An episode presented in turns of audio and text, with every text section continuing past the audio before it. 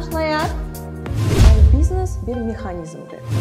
Və bu mənə maraqlı gəldi və ona görə mən cürbəcür üsullarla işləməyə başladım. Məsələn, məhsulun düzgün formada kataloqda və ya ə, sosial şəbəkələrdə necə şəkil olmalıdır?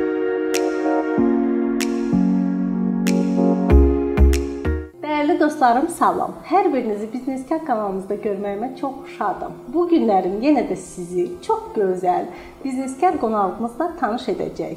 Gəlin qonağımızla birgə tanış olaq. Salam Nərminə xanım. Xoş gəldiniz verilişimizə. Çox sağ olun. Özünüz haqqında məlumat verin zəhmət olmasa. Hamını salamlayıram. Nərminə Bağırova, 26 yaşım var. İnteryer dizayner, rəssamlıq ittifaqının üzvü, rəssam, tətbiqi sənət ustası və Fancy Story brendinin yaradıcısı və ə, brend meneceri. Nərminə xanım, öz brendiniz haqqında bizə biraz danışın. Aha, deməli ə, Fancy Story brendi onun konsepti belədir ki, bu ə, interyer dizayn və yaradıcılıq sahələrin sintezidir.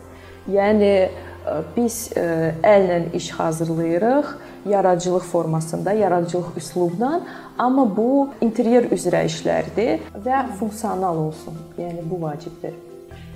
Çox gözəl. Nəminə xanım, əl işlərinizi gördük. Çox gözəl əl işləriniz var həqiqətən. Hər biri ayrı-ayrı baxılası, çox gözəl qeyd etdiyim kimi.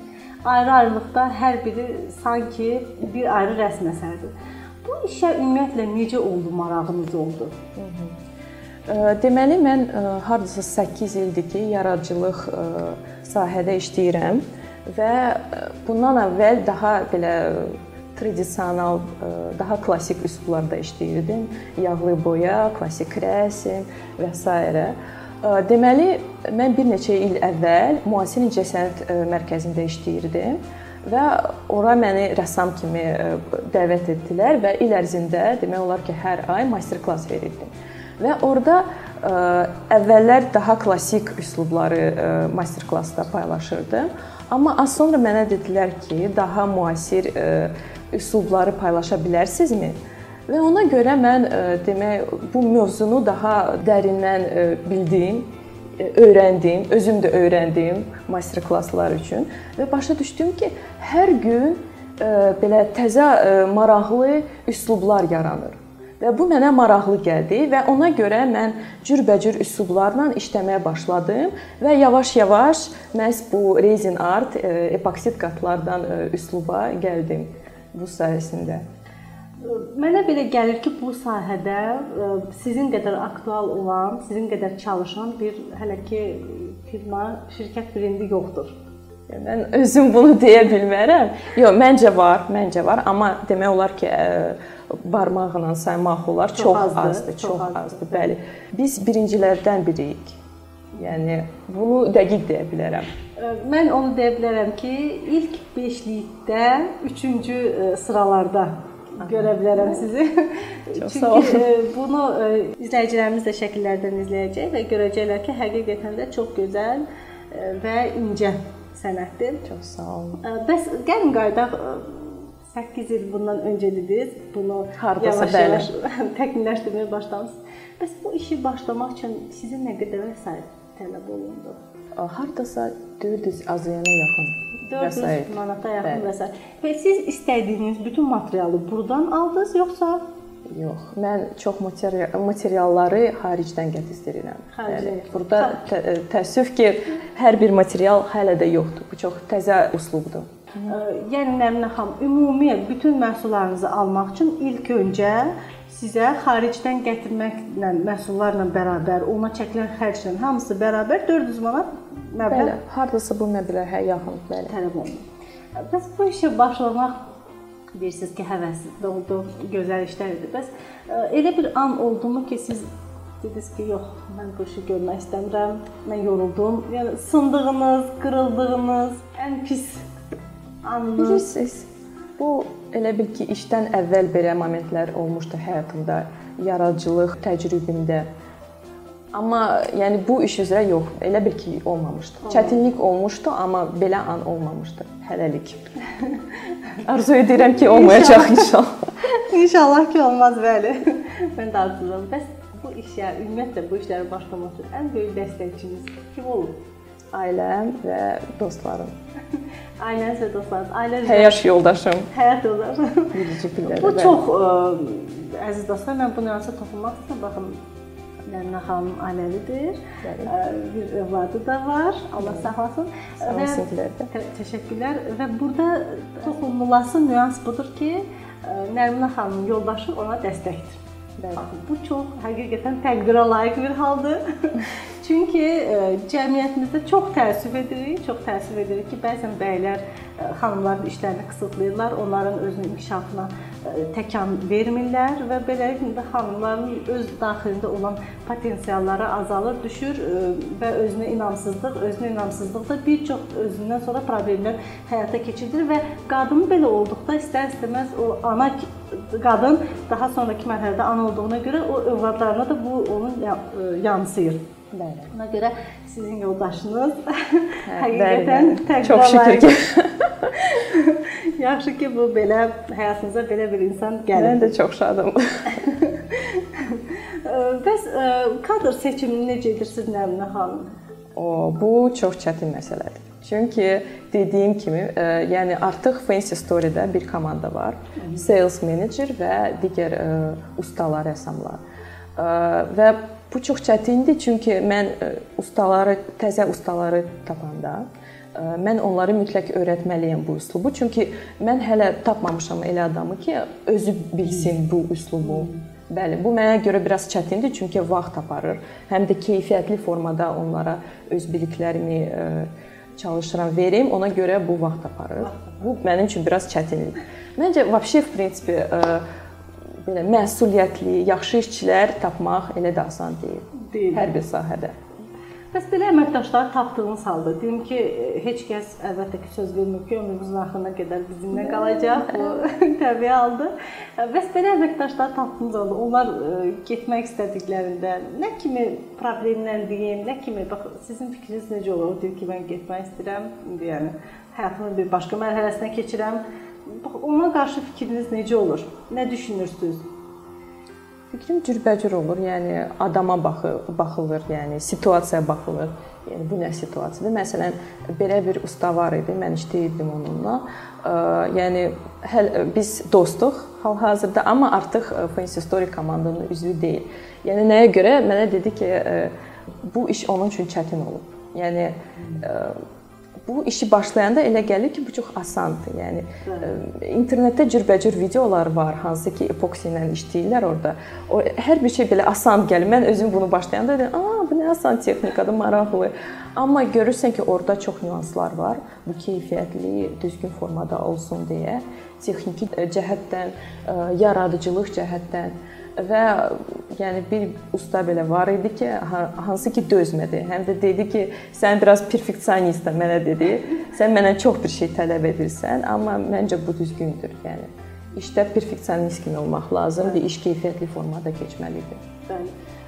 Həqiqətən işlərinizə baxanda orada peşəkarlıq mütləq şəkildə sezilir. Bu olmasa zaten işinizin brendi brend bu qədər e, deyim sizə ki, daha da yaxşı olmazdı. Digərləri kimi epoksi ilə işləyən bəzi insanlar professional olmadıkları zaten o məhsuldan bilinir. Bəli, bəli. Təqdim etdikdə bu bujuteriyada ola bilər e, və yaxud da taxta üzərində də nəsə ola bilər. İstərsiniz bilinir, amma sizin işlərdə həqiqətən də bu e, professionallıq sezilir. Çox sağ olun. Əməkdaşlara da tam olaraq aşılamısınız deyə bilərik. Çox sağ olun. Bəs mənə çox maraqlıdır Nərminə xanım. Bəs sizə görə uğur nədir? Sizə görə? Aha, uğur nədir? Deməli, işlə bağlı desək, uğur keyfiyyətli bir məhsul istehsal etməkdir biznesi qurmaqdır. Çünki biznes sadəcə istehsal formada keçmir, onun cürbəcür hissələri var. Management, promotion və s. Yəni bunları da uğurlu edəndə brend tam olaraq e, məncə iş yaxşı keçir. İş yaxşı keçir. Bəli. Düzdür, razıyam sizinlə. Nəminə xanım, özünüzü uğurlu hesab edirsinizmi? Ə, məncə hə. Məncə bəli. Bəli. Bəs bu uğurunuzu nədə görürsüz? Çünki artıq mən sevdiyim işlə məşğulam və ə, e, mənə elə gəlir ki, məndə pis alınmır, belə deyim. Ona görə mən özümü ə, e, bəli deyirəm sizə. Uğurlu hesab edirsiniz. Nərminə xanım, bu işləriniz çox gözəldir. Bu sizdə alındı. Deyim ki, bu işi ötürürsüz. Bunu ötürdükdən sonra başqa hansı yeni bu cür işlərlə məşğul olmaq fikriniz var? Aha. Mən istəyirəm deməli Fancy Story komandası daha böyük olsun və istəyirəm ki, biz daha çox mebel üzrə işləyək.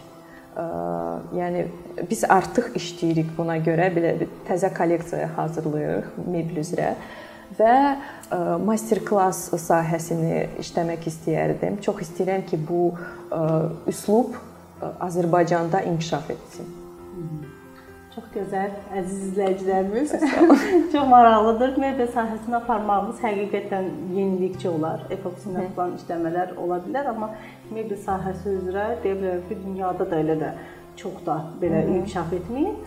Amma bundan çox gözəl masalar hazırlamaq mümkündür. Əvəzsiz, çox gözəl. Amma bunun üçün həqiqətən də professionallıq tələb olunur. Onun e, dərəcəsini, onun qədərini düzgün tökmədikdə çaplar belə ola bilər. Bu böyük bir problemdir əslində baxsaz və böyük də pullar tələb edir. Ona görə işlərinizdə uğurlar arzulayıram. Çox sağ olun. İnşallah inanıram ki, Mebilə də çox gözəl bunu daşıyacaqsınız. Nəminə xanım, bu iş sizin hobbinizdir, yoxsa Sözün doğrusu mən buna hobbi kimi heç vaxt yanaşmamışam. Çünki bu yaradıcılıq bir üslubdur mənə görə. Ona görə mən buna ciddi iş kimi yanaşırdım həmişə və hal-hazırda da yanaşıram. Bəs ümumiyyətlə hobbiniz varmı? Ə, deməli, dadlı yeməklər yemək və gəzmək. Bu mənim hobbimdir. Çox gözəl, maraqlı hobbiniz var. Bəs alternativ biznes qurmaq haqqında düşünmüsünüzmü? Dedim ki, epoksi, okey bunu elədiniz. E, dedim ki, mebelə də daşıdınız və bununla bərabər hansısa bir işi başlamaq e, niyyətiniz, fikriniz belə bir hal-hazırda yox. Bilirsiniz, hal-hazırda yox. Yəni mən brendə məxsus olan bir işlər görmək istəyirəm daha çox. Ay çox. Əslində bu düzgündür. Bunu hələ tam olaraq təkmilləşdirib, tam olaraq bəli bir lazımi səviyyəyə çatdırmaq düzgündür, bəli. Necə düşünürsüz? Dünya səviyyəli, dünyaca brend Azərbaycandan gözlənirdi? Baxaq görə inşallah bəlkə də. Məncə mən istəyərdim. Məncə gözlənir, məncə olacaq inşallah. İnşallah. Bəs Nəminə xanım, sizə görə xoşbəxtliyin sirri nədir? Məncə həyatda balans olmalıdır. Mən şəxsən mənim üçün bu ailəmlə keçirdiyim vaxt, dostlarla keçirdiyim vaxt və iş e, üzrə balans olmalıdır ki, e, lap çox işləmir və ya az işləmir. Yəni bu balans e, şəxsən mənə xoşbəxtlik verir. Xoşbəxtlik verir. Belə onda müəyyən saatlarınızı bölmüsüz, ayırmısınız, proqram üzrə gedir bu sizdə ya necə? Məsəl üçün gününüzün müəyyən bir hissəsi mütləq şəkildə deyin ki, emalatxanada olmalısınız Demək olar ki, amma məndə daha çox gibki qrafik belə bir şey var. Yəni amma baxılır aya görə. Çünki cürbəcür layihələr olur. Hə. Onlara onlardan asılı bir iş qrafiki yaranır. Nərminə xanım, yeni biznesə başlamaq istəyən xanım olsun, bəy olsun. Siz onlara nə kimi öz tövsiyelərinizi verə bilərsiniz? Birincisi səbir. Çünki biznes belə asan bir şey deyil. Sonrası isə tövsiyə edirəm ki, yəni biznes bir mexanizmdir. Onun cürbəcür hissələri var. Yəni məsələn, şəxsən mən mən məhsulları istehsal edirəm, amma bundan başqa bizneslə bağlı cürbəcür işlər görürəm. Yəni menecment, yəni əgər sizin işçiniz varsa, onları necə düzgün formada onlarla ünsiyyət qurmaq, iş qurmaq lazımdır.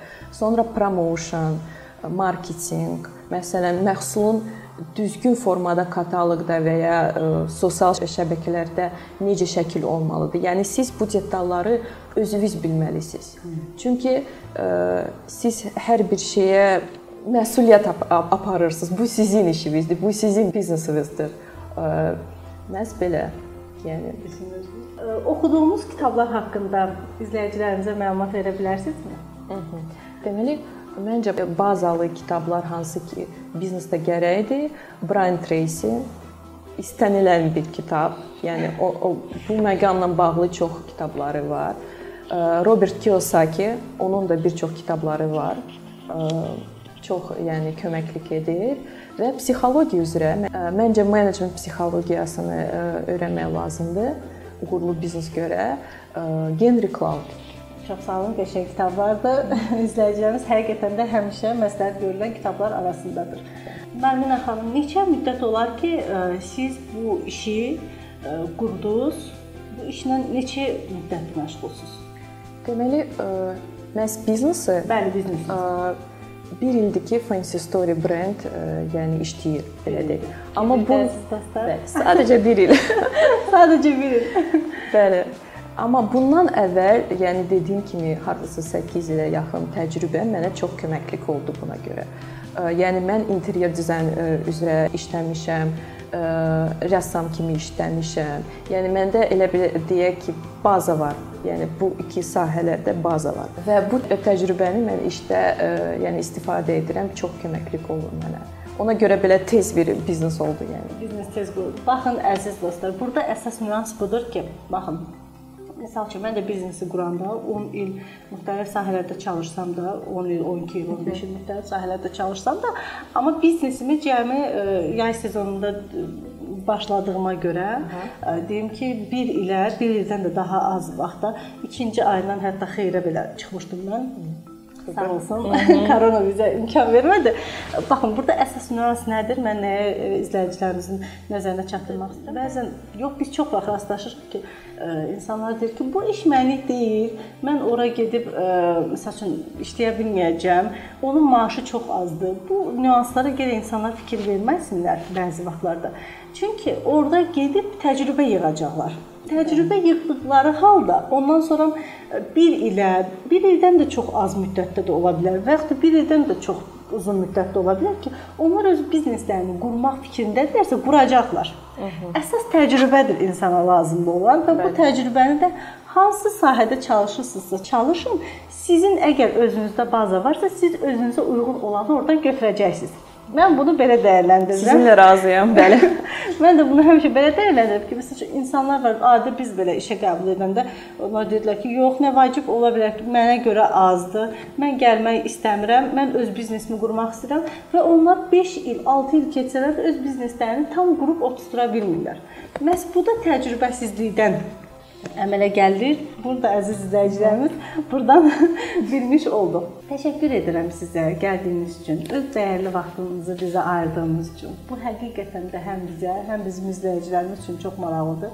Çünki xanımın, ə, Azərbaycanda bir xanımın biznes qurması, ailəli bir xanımın bu da əsas nüanslardan biridir. Bu da ailə Bəzən düşünürlər ki, ailə qurdum, vəsə, hər şey bitdi.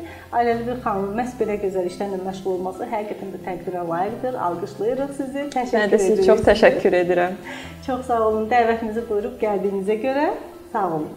Çox sağ olun. Mən də sizə təşəkkür edirəm. Çox şad oldum ki, bu proqrama gəldim. Çox maraqlı söhbət etdik. Çox təşəkkür edirəm. Əgər hələ də kanalımıza abunə olmamısınızsa, kanalımıza abunə olmağı və e, like etməyi unutmayın. Bizi izlədiyiniz üçün təşəkkürlər. Sağ olun.